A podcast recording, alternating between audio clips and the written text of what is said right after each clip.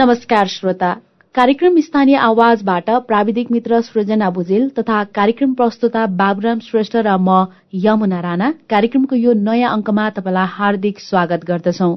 कार्यक्रम स्थानीय आवाज तपाईँले हरेक दिन ठिक साँझ साढे सात बजेबाट आधा घण्टा रेडियो क्याण्डिड बयानब्बे दशमलव सात मेगा हर्जमा हाम्रो website WWW dot radio Candid dot कममा हाम्रो आधिकारिक फेसबुक पेजमा रेडियो क्याण्डिडको एप्स डाउनलोड गरेर र पोडकास्टमा समेत सुन्न सक्नुहुन्छ। कार्यक्रम स्थानीय आवाजको आजको श्रृंखलामा हामी डोल्पा जिल्लाको जगडुल्ला गाउँपालिकाको चिनारीसँगै यसै गाउँपालिकाका अध्यक्ष नारासिंह रोकासँग कुराकानी गर्दैछौ।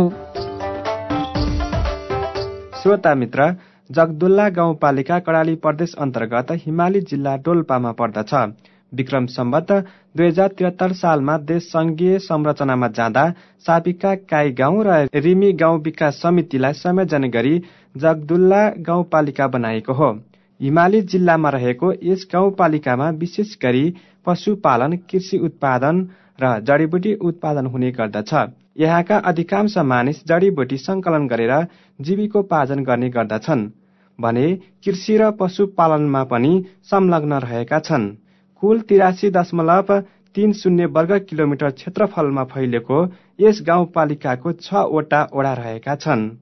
दुई हजार अडसठी सालको जनगणना अनुसार गाउँपालिकाको कुल जनसङ्ख्या दुई हजार दुई सय त्रिहत्तर रहेको छ जसमध्ये एक हजार एक सय एक पुरुष र एक हजार एक सय एकहत्तर महिला रहेका छन्। गाउँपालिकाको सिमानामा पूर्वमा से फोक्सुन्डो गाउँपालिका पश्चिममा जुम्ला जिल्ला उत्तरमा मोगु गाउँपालिका तथा दक्षिणमा मुङ्केचुला गाउँपालिका र त्रिपुरा सुन्दरी नगरपालिका रहेको छ। यस गाउँपालिकामा हाल जगडुल्ला जलविद्युत आयोजना बनिरहेको छ।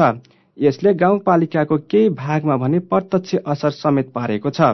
हामीले यसै गाउँपालिकाका अध्यक्ष नारसिंह रोकायालाई तपाईँको कार्यकालमा यस स्थानीय तहले पाएको सबैभन्दा महत्वपूर्ण उपलब्धि के हो भनेर सोधेका छौँ। योभन्दा अगाडि भारी बोकेर घोडा खच्चरहरूमा चाहिँ मात्र सामान चाहिँ निर्यात गर्न सक्ने स्थितिबाट हामी अहिले मुक्त भएर न्यूनतम ट्याङ्करसम्मको सडक त्यहाँ चल्ने सम्मको सडक चाहिँ निर्माण भएको छ। पहिलो महत्त्वपूर्ण काम त्यो हो होइन? त्यसपछि अहिले जुन संहिताको मर्म बमोजिम एक द्वार प्रणाली एकै ढोकाबाट सबै सेवाहरू प्रदान गर्नुको निमित्त त्यहाँ चाहिँ प्रशासनिक भवन निर्माण भएको ठुलो उपलब्धि हो। र अहिले हाम्रो जुन एकदेखि बाह्रसम्मको शिक्षा जुन स्थानीय सरकारको मार्फतमा भएको हुँदा त्यो जुन शिक्षा क्षेत्रलाई पनि प्रमुख प्राथमिकताको रूपमा राखिएको छ त्यो जुन आमै परिवर्तन केही परिवर्तनहरू गरिएको छ त्यो पनि एउटा उपलब्धिको रूपमा लिन सकिन्छ त्यस्तै स्वास्थ्य क्षेत्र सञ्चार लगायतका जुन आर्थिक वृद्धि गराउनको लागि पनि अर्थतन्त्रको लागि पनि एउटा भूमिका छ भन्ने हिसाबले चाहिँ हामीले अर्थतन्त्रलाई पनि वृद्धि गर्नको लागि त्यो घर एक स्थायी भनेर हामीले अगाडि दिएका छौँ हजुर। हिमाली हामीले हिमाली जिल्ला अब भन्ने बित्तिकै अब डोल्पा पनि हिमाली जिल्ला पर्यो होइन। हिमाली जिल्ला भन्ने बित्तिकै एकदमै धेरै समस्याहरूको चाङ हुन्छ भन्ने बुझ्छौँ। किनभने सडक नै नपुगेको हुँदाखेरि सडक पुगे पनि सडकहरू त्यति राम्रोसँग बनि नसकेको हुँदा धेरै समस्या हुन्छ भन्ने चाहिँ छ। जस यहाँले चाहिँ सडक पुगेर अहिले केही सहज भएको कुरा गर्नुभयो। कस्तो छ हाम्रो अहिले गाउँपालिकाको सबै केन्द्रहरूमा जस्तो ओडाहरूमा सडक पुगिसकेको छ अथवा कृषिलाई पनि अझै मध्यनजर गरेर कृषि सडकहरू पनि बनाउने गर्नु भएको छ स्थानीय तहहरूले। के छ? हामीले प्रमुख पहिलो प्राथमिकता त प्रत्येक टोल सडक पुर्याउने भनेर एक खालको हाम्रो एजेन्डा थियो त्यसलाई हामीले पूर्णता दियौँ। र अहिले त दोस्रो चरणमा हामीले कृषि सडकहरू पनि प्रत्येक बस्तीभन्दा पनि बाहिर उपयुक्त ठाउँहरूमा कृषि सडकको पनि ल्याएर हामीले त्यो निर्माण जस्तो सडक सँगसँगै सडक बनाउने कुरामा चाहिँ अर्को अहिले आइरहेको स्थानीय तहहरूमा भनेको सडक जथाभावी बनाउँदाखेरि चाहिँ अर्को समस्याहरू निम्तियो पानीको मुहानहरू सुक्ने अथवा पहिरो जाने समस्याहरू आयो भन्ने छ। यहाँको गाउँपालिकामा त्यस्तो समस्याहरू भयो कि भएन? अब त्यो त्यो समस्याले ठुलै नसक्नु भन्न त मिल्दैन तर समस्याहरू त छ। भए पनि त्यस्तो हुने तरिकाबाट हामीले गरेका छैनौँ। त्यसमा अलिकति सावधानी रूपले अपना अप्नाएर हामीले अगाडि बढ्ने क्रममा त्यति धेरै चाहिँ त्यस्तो त्यो समस्या देखिँदैन। र समस्या त पक्कै नै अब नहुने कुरै भएन समस्या पनि छ। हजुर। यो सँगसँगै अब शिक्षाको कुरालाई जोडौँ। शिक्षाको क्षेत्रमा चाहिँ अलिक डिटेलमा जाँदाखेरि चाहिँ के कस्ता कामहरू भए अथवा विद्यालय बाहिर रहेका विद्यार्थीहरूलाई विद्यालयमा ल्याउनको लागि चाहिँ के कस्ता कामहरू गर्नुभयो? विद्यालय बाहिर रहेका दस विद्यार्थीहरूलाई विद्यालयसम्म ल्याउनुको निमित्त विभिन्न खालको जस्तो जनचेतनामूलक कार्यक्रम प्रोत्साहन कार्यक्रमबाट चाहिँ हामीले प्रेरित गरेर विद्यालयसम्म ल्याउने काम गरिएको छ भने यो शिक्षा नै परिवर्तनको मूल सम्भाग हो र शिक्षाबाटै हामी परिवर्तन शिक्षा बिना परिवर्तन गर्न सक्दैनौँ भन्ने कुरालाई हामी प्रश्न छौँ। अब त्योलाई हामीले राम्रोसँग परिवर्तन गर्नुको निमित्त सबैलाई जनचेतना मार्फत र अन्य कार्यक्रमबाट पनि हामी प्रेरित स्वास्थ्यको क्षेत्रमा के कस्ता काम भए? अब स्वास्थ्यको क्षेत्रमा हामीले अहिले प्रत्येक टोल वडाहरूमा सामुदायिक स्वास्थ्य स्थापना गरेर अहिले जस आधारभूत स्वास्थ्यको चाहिँ जस प्रत्याभूति दिने गरेर सबै ठाउँ संरचनाहरूदेखि लिएर प्राविधिकहरू सबै त्यहाँ पर्याप्त मात्रामा दिने काम पनि भएको कुन कुरालाई एकदमै धेरै महत्त्व दिइकन अरू जस्तो सडक शिक्षा स्वास्थ्य बाहेक अरू कुन कुराको बढी समस्या थियो र त्यो ती समस्यामध्ये कति हल भए अहिलेसम्म? प्रमुख समस्या त म सडक सञ्चार लगायतका स्वास्थ्य शिक्षा थियो भने त्यो अलावा एउटा त्यहाँको समस्याको रूपमा विशाल समस्याको रूपमा रहेको एउटा गरिबी पछौटेपन भन्ने थियो। त्यसलाई चाहिँ अहिले हामीले पूर्ण रूपले अगाडि बढाउनको निमित्त अहिले पनि मैले हल्का छोएको थिएँ। हामीले प्रत्येक मान्छेहरूलाई व्यवसायिक हुनुपर्छ बेरोजगार हुनु हुँदैन। जबसम्म बेरोजगारको समस्या हल हुँदैन तबसम्म चाहिँ गरिबीको चाहिँ हल हुँदैन भन्ने तरिकाबाट हामीले एक घर व्यवसाय एक घर एक व्यवसाय भनेर हामीले एक खालको चाहिँ कार्यक्रमबाट अगाडि बढाएका छौँ। र सबै अहिले जो साना उद्यमी उद्यमशीलतामा जोडिएका छन् साना व्यवसायमा जोडेर अगाडि बढ्ने कामहरू भइरहेको जस्तो यो यहाँले यो रोजगारीको कुरा गर्नुभयो नि यसमा चाहिँ कसरी कार्यक्रमहरू सञ्चालन गर्नु भएको छ र कसरी चाहिँ स्थानीयहरूलाई जोड्नु भएको छ? के कस्ता कार्यक्रमहरू छन् यसमा चाहिँ? हामीले त्यहाँको वस्तु स्थितिलाई बुझेर त्यहाँको भूगोल चाउँदो माटो चाउँदो हामीले त्यसलाई अगाडि बढाउने बेला त्यहाँ पशुपालनको पर्याप्त मात्रामा सम्भावना भएको त्यस्तै गरेर फलफुल खेतीको पनि सम्भावना भएकोले हामीले पशुपालन त्यसपछि गएर कृषि र अन्य भनेर तिनवटा क्याटेगोरीमा विभाजन गरेका छौँ। अन्यभित्र सानो उद्यमी लगायतका सानो व्यवसायहरू पर्दछन्। त्यो तिनवटा क्याटेगोरी विभाजन गरेर कसको क्षमता के हो र के गर्न सक्छ भन्ने कुरालाई आधार बनाएर हामी अगाडि बढेका छौँ। कतिपय ठाउँमा चाहिँ उत्पादन भएका चिज वस्तुहरू पनि बजारसम्म पुर्याउन नसक्ने समस्या हुँदाखेरि चाहिँ कृषकहरू चाहिँ समस्यामा पर्नुहुन्छ। यसलाई चाहिँ कसरी व्यवस्थापन गर्नुभएको छ? कृषकहरूले उत्पादन गरेको कुराहरूलाई चाहिँ बजारसम्म पुर्याउनलाई केही व्यवस्थापन गर्नुभएको छ? त्यसको निमित्त अहिले अब उत्पादन हुँदै गरेका सामानहरूको लागि बजार व्यवस्थापनको लागि सहकार्य समन्वय गर्ने र केही त्यहाँ उत्पादन भएको चिजहरूलाई आत्मनिर्भर बनाउने र बाहिरबाट आउने चिज निर्यातलाई बन्द गराउने कुरा पनि हामीलाई हजुर। कृषि सँगसँगै कृषि र पशुपालनको सम्भावना छ भन्नुभयो। त्यो सँगसँगै अरू गाउँपालिकाको सम्भावना चाहिँ के देख्नु भएको छ यहाँले? के कुरामा चाहिँ सम्भावना बोकेको छ?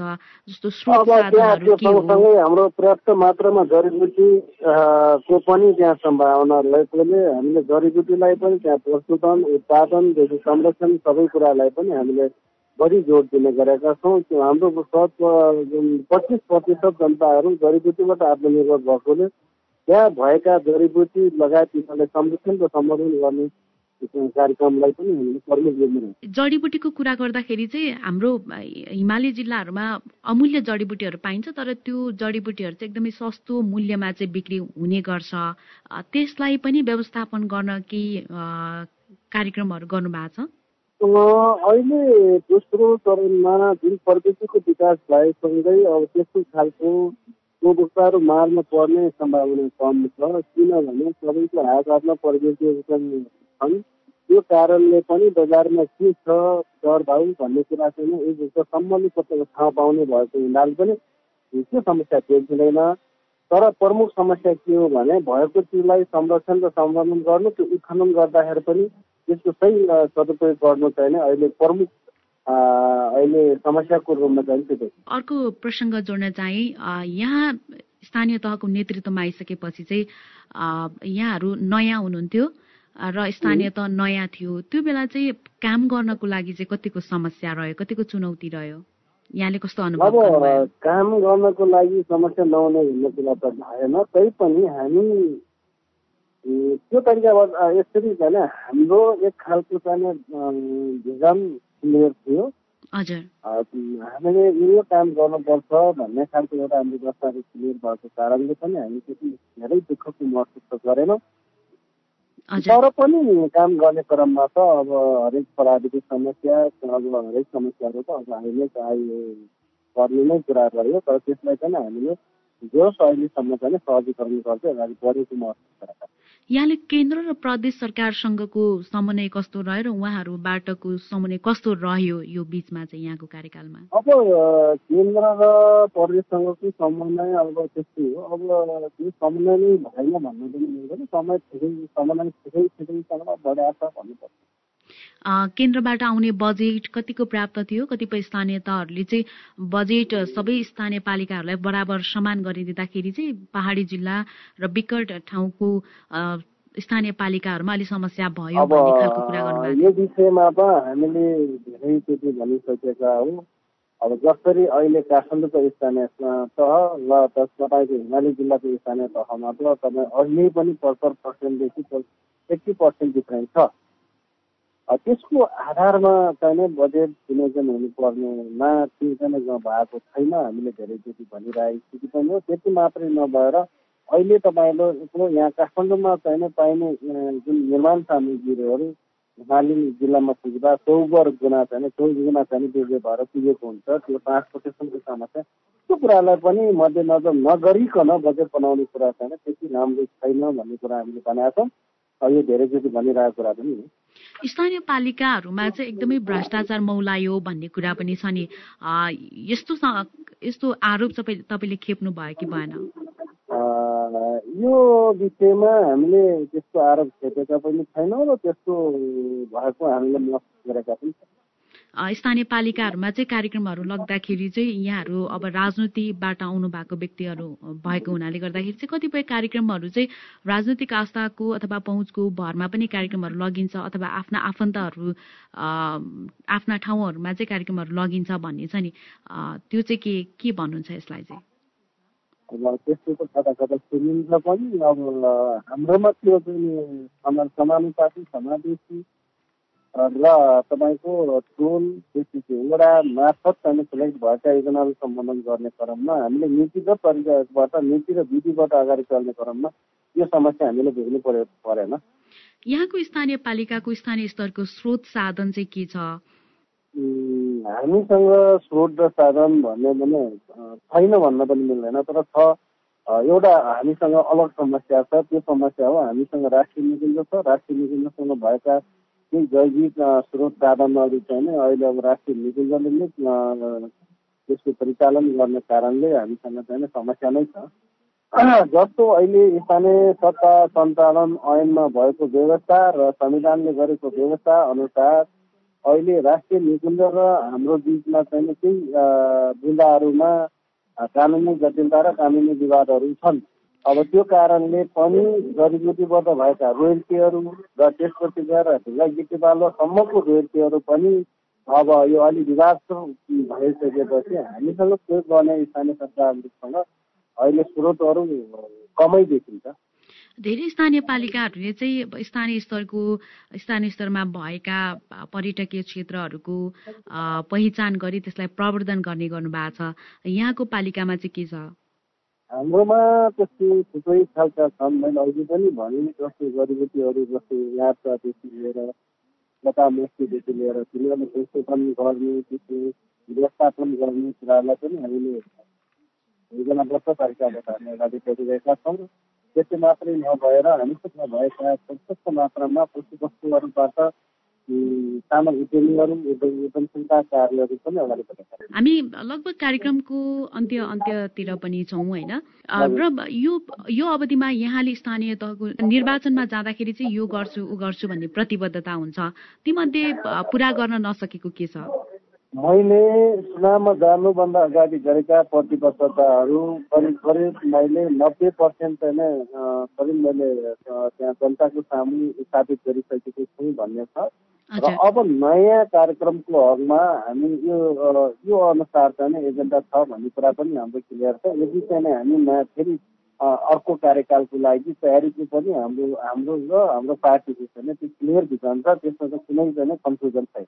अन्तमा त्यस्तो केही बाँकी छैन। अब आगामी दिनमा जुन सबै देशभरिका स्थानीय सरकार र स्थानीय तहहरूले अलिकति जुन यस्तो अहिले संहिताको मर्म विपरीत नभएर मर्म संहिताले गर्न खोजेको र वास्तविक संहिताले दिन खोजेको भाव बुझेर त्यो सबै जनप्रतिनिधिहरू लगायत सरकार निकायहरू अगाडि बढ्दाखेरि जुन हामीले लैङ्गिक लक्ष्यमा पुग्न सकिन्छ भन्ने चाहिँ एउटा सन्देश दिन चाहन्छु हस् धन्यवाद अध्यक्षज्यू यहाँको समयको लागि। धन्यवाद। यहाँले पनि अब समय दिएर केही बनाइराख्नु दिनुपर्दैन यहाँले पनि आजको कार्यक्रम स्थानीय आवाजमा हामीले डोल्पा जिल्लाको जगडुल्ला गाउँपालिकाको चिनारीसँगै यसै गाउँपालिकाका अध्यक्ष नारासिंह रोकासँग कुराकानी गर्यौं।